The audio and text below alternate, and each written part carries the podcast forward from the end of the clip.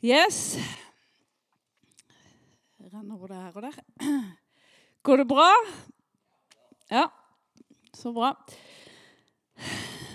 I dag skal jeg snakke om Den hellige ånd. Rett og slett få litt oppmerksomhet.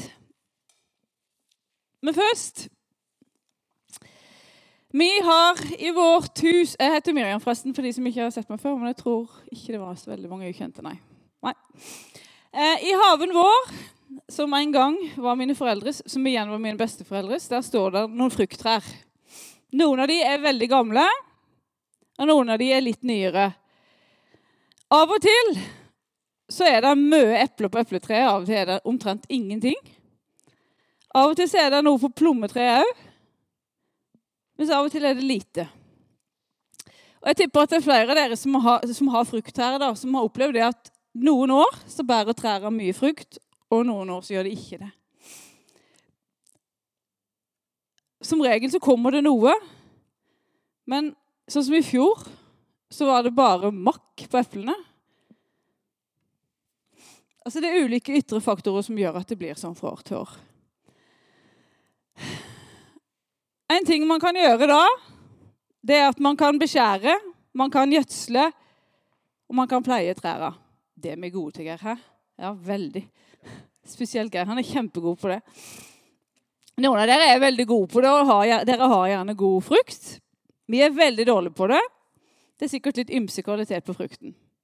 Men som dere sikkert skjønner, så er det liksom et bilde på vårt liv. da. Det samme gjelder jo faktisk i vårt liv. Eh, og Et annet eksempel som jeg har brukt mange ganger, eh, det er jo i forhold til trening. En idrettsutøver For å få resultater så må han trene. Tror du Marte Olsby bare ble verdensmester uten å jobbe hardt for det? Uten å ha fokus? Uten å prioritere? Og det er ikke bare trening. Der var det kosthold òg. Det er mange faktorer. Hvile. Som gjorde til at hun er blitt verdensmester. Og hvis jeg ønsker resultater når jeg trener, så er jeg nødt til å prioritere. Jeg må sette av tid. Og jeg er nødt til å tenke over hva jeg putter i meg. Putter jeg i meg søppel, så får jeg dårlige resultater. Hviler jeg ikke, så får jeg òg dårlige resultater. Dette her er prinsipper som faktisk bare er sånn. Og så gjelder det faktisk litt det samme for vårt åndelige liv. Det vi bruker tida på, det vi pleier og prioriterer, det bærer frukt i vårt liv. Så nå skal jeg først snakke litt om Den hellige ånds frukt. Det står i Galaterne 5,22 Men åndens frukt, det er kjærlighet, glede, fred, tålmodighet, vennlighet, godhet, trofasthet, saktmodighet og selvtukt. Dette er ikke loven imot. De som tilhører Kristus, har korsfesta kjøttet med alle dets lidenskaper og lyster. Hvis vi lever i Ånden, la oss da vandre i Ånden. La oss ikke trakte til tom ære så vi egger eller misunner hverandre. Du vet at en naturlig konsekvens av Den hellige ånds Altså av eh, En naturlig konsekvens og resultat når Den hellige ånd får plass i vårt liv hver dag, det er de her tingene som er ramsa opp. Kjærlighet, glede, fred, tålmodighet og vennlighet. Tenk på vennlighet. Vennlighet, godhet, trofasthet, saktmodighet, raushet. Hva vil det si, da? Hvordan ser det ut? Det er mot de som fortjener det minst, kanskje. De som er annerledes enn oss. Dette er sånn praktiske eksempler på hvordan eh, frukten kan se ut. De som lever et annet liv enn det vi gjør, eller ville gjort. De som ikke passer inn i A4-boksen. Og de som kanskje har en annen atferd enn det du tenker er greit og er komfortabel med.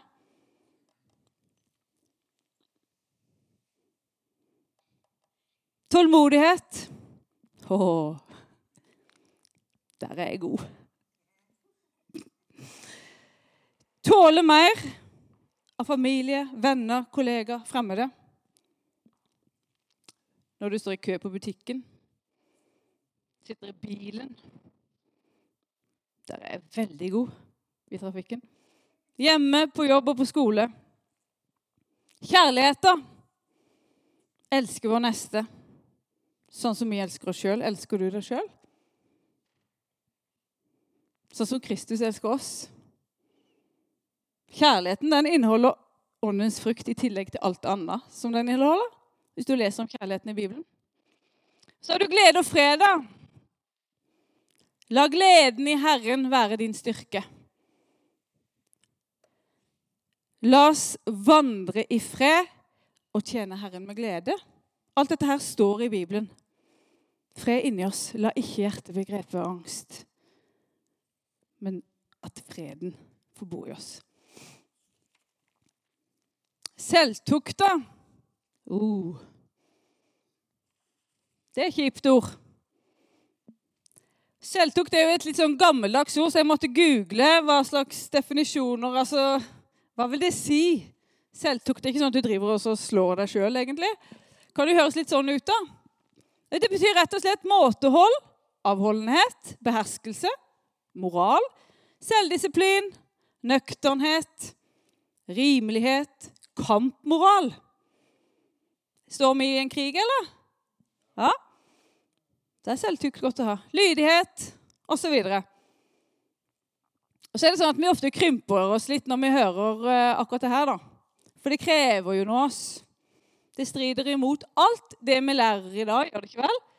Du er fri til å gjøre hva du vil.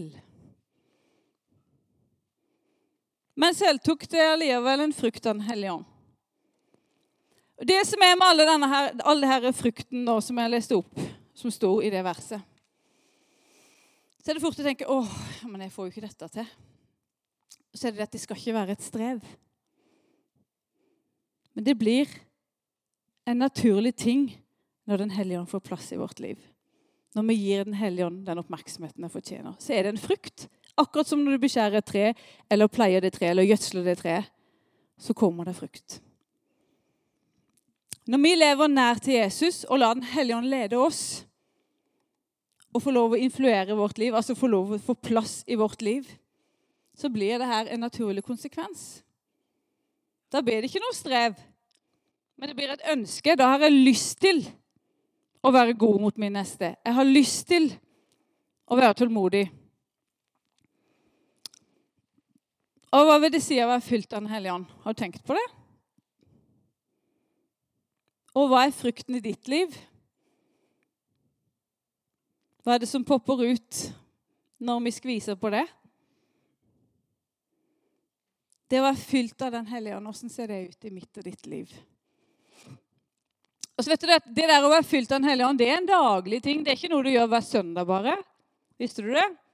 Det er ikke sånn at du bare fyller deg opp med Den hellige ånd når du kommer på møte på søndag, og resten av uka så lever du på det. Det funker i hvert fall veldig dårlig for meg. Jeg trenger å bli fylt av Den hellige ånd hver dag. Jeg trenger å søke Han, for at jeg klarer det virkelig ikke sjøl. Og jeg kan til en viss grad klare å leve rett, men før eller senere så går jeg på trynet. Som jeg sa i stad, så er jeg av natur ikke spesielt tålmodig.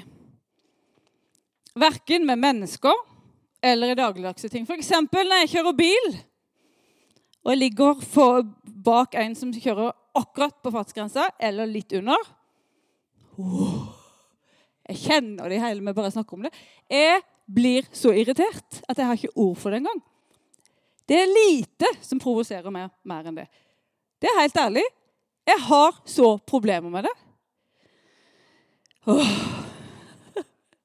Hæ? Og så har du Geir. Så sitter jeg på med han. Og han ligger enten akkurat på fartsgrensa eller litt under. Skjønner dere? Så jeg fins ikke tålmodig når det gjelder trafikk. Kom igjen, da, så er det kø på butikken. Og de foran meg, de bruker tid. Der er ikke med åndens frukt. å kjenne på i det naturlige, for å si det sånn.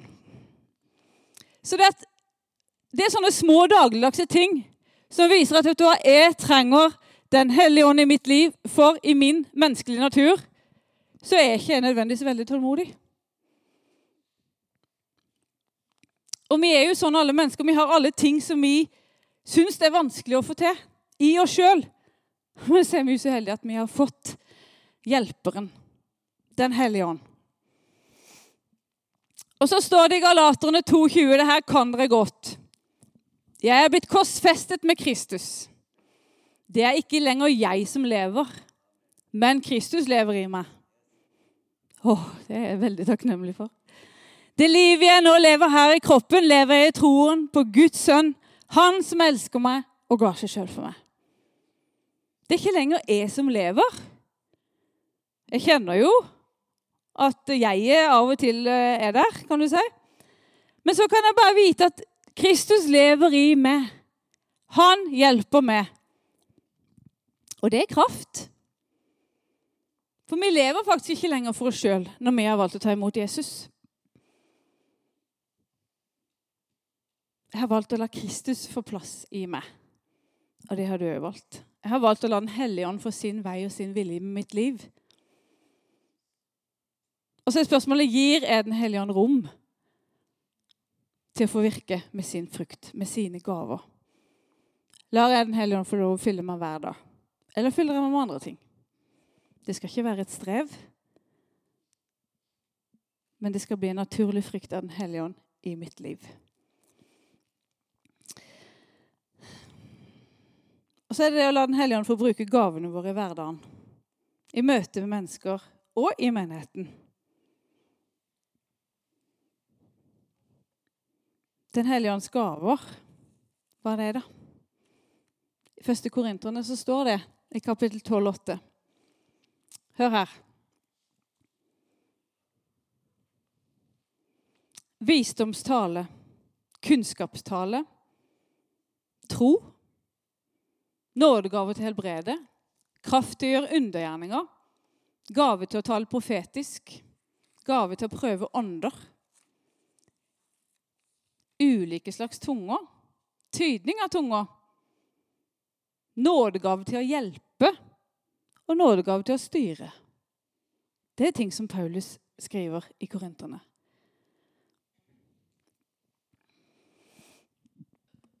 Og videre så står der, nei, Før det her, oppramsinga her så står det det fins forskjellige nådegaver, men ånden er den samme. Det er forskjell på tjenester, men Herren er den samme. Det er forskjell på kraftige virkninger, men Gud er den samme, han som virker alt i alle. Så er det sånn at åndens gaver det er ikke meint å være det kristnes leketøy. Skjønner du hva jeg mener? Alle de tinga som er, er ramsa opp her. Det er meint til å være, ha en, det er nytte, det har en hensikt. Det er en grunn for at vi får de gavene. Det er for å utfylle et behov i menigheten, i andre menneskers liv.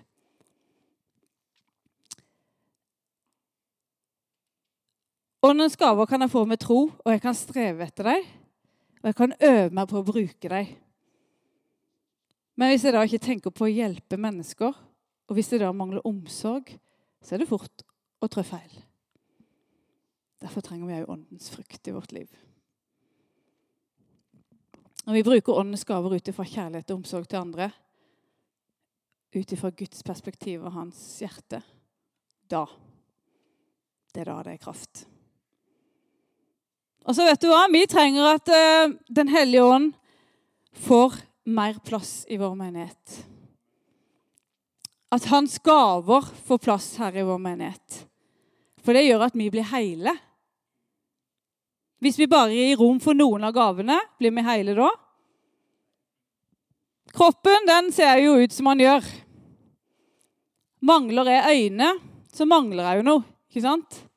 Mangler jeg beina, så blir jeg jo litt hemma. Alle deler som vi plutselig mangler, gjør jo at vi mister en funksjon. Og sånn er det med gaven òg. Det er en grunn for at han sammenligner med legemet, med kroppen.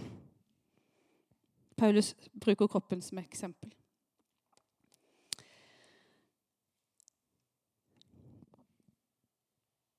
Gud han taler på ulike måter til ulike tider. Jeg vet ikke om dere har lagt merke til det. Når vi skaper da en åpenhet for de ulike gavene som fins, de som er lest opp i stad bl.a., så skaper vi en plass der Den hellige ånd kan få jobbe, virke og skape frihet. Og personlig som jeg har sett, det koster å være på gaver. Eh, og det koster hver gang. Og nå skal jeg si litt om åssen Jeg har sikkert snakka om det før, men jeg vil bare nevne sånn at dere forstår hvordan det kan oppleves å ha en gave. Og Det er sikkert noen som kjenner seg igjen, og noen som ikke kjenner seg igjen. Og så er det sånn at Hvis jeg velger og tør å gå på det jeg får, så vil min lydighet bære frukt. Sånn er det bare. Jeg, når jeg kommer inn i et rom, så føler jeg masse. Så når jeg kommer inn her, og dere sitter i salen, så kjenner jeg på en masse ting. Og det er så slitsomt at du vil ikke tro det engang hvis ikke du er der sjøl. Jeg får alle inntrykka, alle følelsene. Det er veldig veldig slitsomt. Så når jeg kan komme hjem fra en søndag, så kan jeg være ganske tom. For jeg har følt på masse. Og det er meg. Eh, og etter hvert så har jeg forstått hvorfor. For I begynnelsen så visste jeg ikke helt hva var dette her for noe. Hvorfor føler jeg på så mye rart? Det, det var kaos. Klarte ikke å sortere det. Og etter hvert så har jeg lært meg at OK, Gud. Det er en del av den gaven. Jeg var for følelser, var for det som skjer i åndeverden. Jeg var for de tinga her. Og det koster. Det har en pris. Men så er det det at så har jeg brukt tid over flere år på å lære meg hva er det du vil med de gavene her, Gud. Hellige Ånd, hva er din plan nå? Hva er dine tanker nå? Vis meg. Hjelp meg å plukke ut de følelsene som du ønsker å ha tak i dag. De tinga som du ønsker å ha tak i dag. Og så betyr det at da er jeg nødt til å tørre å være sårbar. Stille meg frem. Være usikker. Jeg er nødt til å tørre å ta noen steg. Ellers er det umulig for Gud å bruke meg.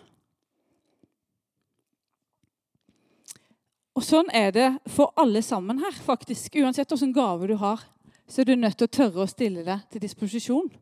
Du er nødt til å stille deg ydmykt foran Gud og så si vet du hva? Gud, jeg er villig til å legge vekk stoltheten min. Jeg er villig til å legge vekk eh, Jeg er villig til å være sårbar for det. Og at det koster. Om det er et ord til noen. Om det er å gå hen og si 'Så fin du var i dag'. Altså, Gud han kan gi deg tanker om alt mulig hvis du bare lytter. Hva betyr åndens frukt og åndens gaver i våre menigheter? I våre liv? Du må finne din måte å pleie ditt åndelige indre liv på. Og For meg så ser det helt annerledes ut enn det det gjør for deg. For at vi er forskjellige. Du må finne din måte å gjøre det på. Hvor er du når du hører Guds stemme? Og kanskje du ikke føler at du hører Guds stemme òg. Men han prater til deg gjennom sitt ord, gjennom dine tanker. Det er så enkelt som det. Av og til er det sånn at dine tanker, det er hans tanker. Hva betyr det så å bygge menigheter? For det er jo det vi holder på med, gjør vi ikke det? Hva er det vi bygger? Har du tenkt på det? Bygger vi arrangementer, eller bygger vi relasjoner og mennesker? Hva er vi mest opptatt av? Har du tenkt over det? Hva er du mest opptatt av? Er det å komme på søndagsmøte fordi det er søndag, og det er møte? Er du mest opptatt av å farte rundt og få med deg masse arrangementer? Eller er du interessert i å bygge mennesker? Hva gjorde Jesus? Han er jo vårt forbilde, er han ikke det? Hva gjorde Jesus? Han er ganske tydelig på det. Jesus han gjorde jo masse tegn og under. Men først Hva gjorde han aller først? Tid med far.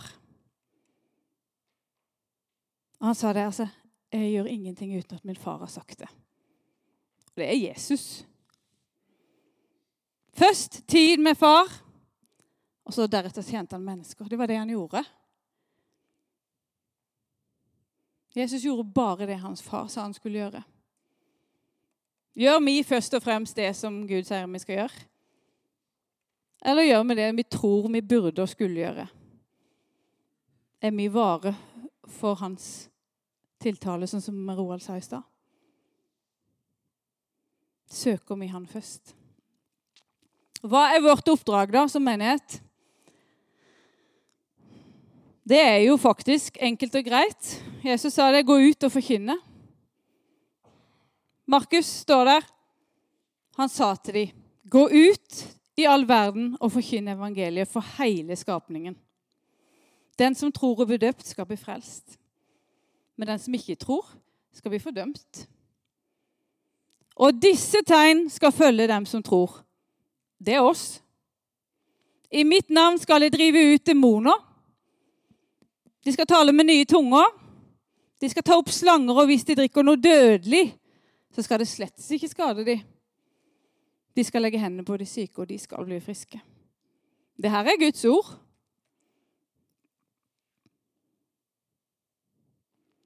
Og så står det òg Han sier òg Hedre din far og din mor, og du skal elske din neste som deg selv.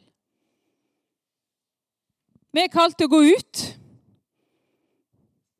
Og så skal det følge noen tegn med oss. Og så skal vi elske.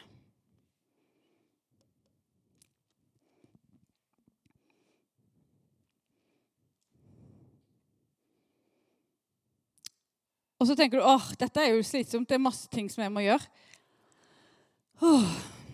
Men så står det Søk først Guds rike og hans rettferdighet, så skal alt dette bli i tillegg. Ergo vi får kraft i det Den hellige ånd kommer over oss. Når vi søker Hans rike først, så skal vi få alt dette andre i tillegg. Og Det er ikke bare vi får litt i, lite grann. Vi får alt. Alt er jo alt. Er du enig i det? Alt er ikke bare litt eller noe. Alt er alt. Så ergo jeg tenker, Om du husker ingenting annet i dag, så husk det. Søk først Guds rike og hans rettferdighet. Så skal du få alt dette. Det skal bli gitt deg i tillegg. Det skal bli gitt deg i tillegg. Ikke at du skal streve for det, men du skal få det faktisk. Så det er spørsmålet søker vi først Guds rike når vi arbeider for Hans rike. Eller forsøker vi å finne gode strategier, ha fine møter og arrangementer og godt planlagt opplegg. Jeg tror jo at mennesker blir dratt til Jesus når de opplever et overnaturlig åndsfylt liv. Ikke fordi at eh, vi er like denne verden eller pene og pyntelige og får til masse bra. At vi har normal oppførsel. For vi er ikke normale. Er ikke normal. Fins ikke normal. Nei, det er Ja, det er helt sant. Og vet du hva? Vi er et annerledes folk. Og annerledes, da er det noe som ser ut som ikke det som er vanlig. Når vi er fylt av Den hellige ånd og lar Han fylle oss, så gir Han oss visdom til å gå frem på rett måte. Det trenger du ikke bekymre deg for. Den hellige ånds gaver får lov å vokse i oss og komme i bruk. Da trenger vi faktisk ikke å frykte for mennesker. Eller at noen skal bli redde, eller at noen skal se rart på oss. So what? Hva så? Søk først Guds rike og hans rettferdighet, så skal du få alt det andre i tillegg.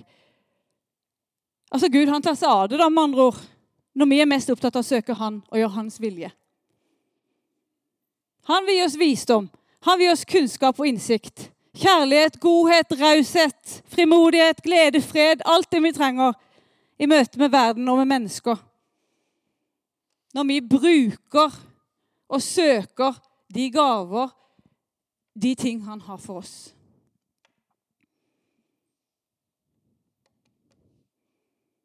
Når vi søker Hans rike først, så får gavene fritt spillerom. Den hellige ånds gave får lov å virke. Tegn og under og mirakler blir synlig. Vi ønsker det overnaturlig, gjør vi ikke det? Er det noen som kjenner at det er litt sånn ubehagelig? Nei? Så bra. Som Geir talte om sist søndag, så kan det iblant bli ubehagelig. Fordi det ser annerledes ut enn det vi er vant til eller komfortable med. Men Gud han gjør akkurat som han vil. Han virker som han vil, ikke som vi vil. Heldigvis. Ellers hadde de blitt helt paralysert for så mange forskjellige mennesker som er her. Med forskjellige ting som de syns er greit og ikke greit. Da hadde ikke mye skjedd. Han gjør akkurat som han vil. Og så er spørsmålet tør vi å slippe Gud løs her. Eller ønsker vi å beholde kontrollen? Det er en utfordring. Tør du å la Den hellige ånd få rom og plass i ditt liv? Det kan få konsekvenser hvis du tør. Tør du å la de gavene som du har fått For du har faktisk fått gaver. Selv om ikke du føler det sjøl, så har du fått gaver. Det er ikke alltid kanskje du ser det. Kanskje du skal be Gud vise deg hvilke gaver han har lagt i deg. Hvis du er i tvil. Eller så kan du egentlig bare begynne å tenke på hva, hva, hvordan snakker Gud til meg. Nå kjenner jeg ting. Hva er det jeg liker å holde på med? Hva syns jeg er spennende? Hva, hva, brenner jeg for når jeg er sammen med Gud? Tør du å la gavene dine få lov å bli brukt i menigheten og i hverdagen? Når du går på butikken, når du er på jobb. Når du er med venner. Tør du? Det er bra. Annelise, jeg vet du tør. Selv om det koster og av og til kan oppleves rart og utfordrende. For det å få et ord når du, når du er på jobb, og få et ord til en arbeidskollega Tror du at det kan koste av og til å gi det ordet? De av oss som har fått det noen gang, de, de vet jo at hjertet Du blir jo helt nesten kvalm. For du føler jo at dette her vil virke kjemperart. Men jeg har aldri hørt Jeg har hørt mange som har gitt de ordene. Og jeg har aldri hørt noen gang at noen blir sure eller sinte eller fornærma for det. Jeg har aldri hørt om det. Og om de så blir so what? Gjør det noe? Det er som regel alltid en oppmuntring. Det er som regel alltid en god ting. Vi velsigner jo bare.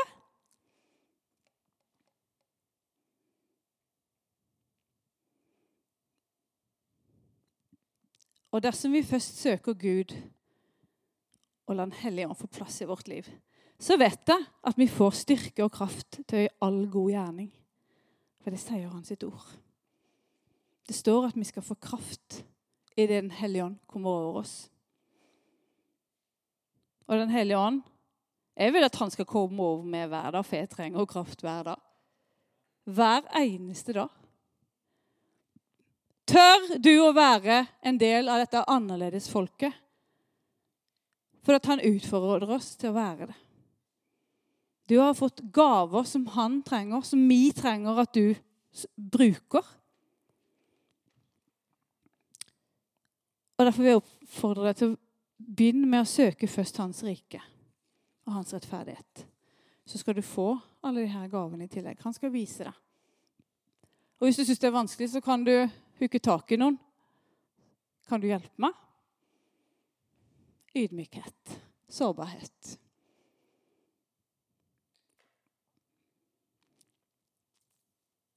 Jeg tror at Gud har store planer for Froland. Vi har fått masse ord og løfter opp gjennom åra. Tror vi på de løftene vi har fått? Vi gjør det. Jeg vet at noen av dere samler på løftene. Og vi tror at de orda som Gud har gitt oss, og det han sier til oss, at det er sant, ikke sant? Men hva betyr det for oss, da? Hva må vi gjøre? Skal vi bare sitte og kikke på? Eller skal vi begynne å søke Hans rike først? Yes. en utgytelse av Den hellige ånd. Det vil gi en frukt i ditt liv. Gavene kommer i bruk sånn som de skal. Og så får du kraft til å gjøre det. Amen. Lovsangen, kan ikke det komme opp? Takk, Herre. Jeg takker deg for det at eh, du elsker å utgyte din ånd over alt kjød. Og det står at du i de siste dager så skal det, som Skriften har sagt, utgytes. Din ånd skal utgytes over alt kjød. Over alt kjøtt på jord. Det er ikke bare over oss, heldigvis. Det er overalt. Og jeg takker deg, Herre, for at eh, vi skal se, far, i tida fremover at det er en større utgytelse av din Hellige Ånd over din menighet, Herre. Begynn med oss. Begynn med din menighet, Herre. Hjelp oss, Herre, å søke det først, før vi gjør alt annet. Før vi fyller oss med andre ting i hverdagen, Herre. Hjelp oss, Herre, å søke først ditt rike. Å, Herre, ditt rike først, før vi tar valg som menighet. Før vi går noen nye veier i våre liv og i menigheten, Herre. Hjelp oss å søke først det. Far, få ord ifra det, vis din vei og din vilje, Herre, at det er viktigere for oss enn våre tanker og planer og strategier. Og Jeg ber Hellige Ånd om at du skal utgyte deg sjøl over din menighet hver eneste dag fra mandag til søndag. 365 dager i uka. Nei, i året. Takk, Jesus. Jeg takker deg, Herre, for en ny tid, Herre. En ny tid der vi får lov å være det her annerledesfolket. Som ser annerledes ut enn verden. Som er annerledes på alle måter. Og må du ransake hjertene våre, Herre. Utfordre oss, Herre, til å ta valg. Vi trenger det. Vi trenger det på dette sted. Vi kan ikke være like til verden. Vi må være annerledes. For vi er kalt til å være annerledes. Å, Hellige Ånd, vi trenger det. Kom.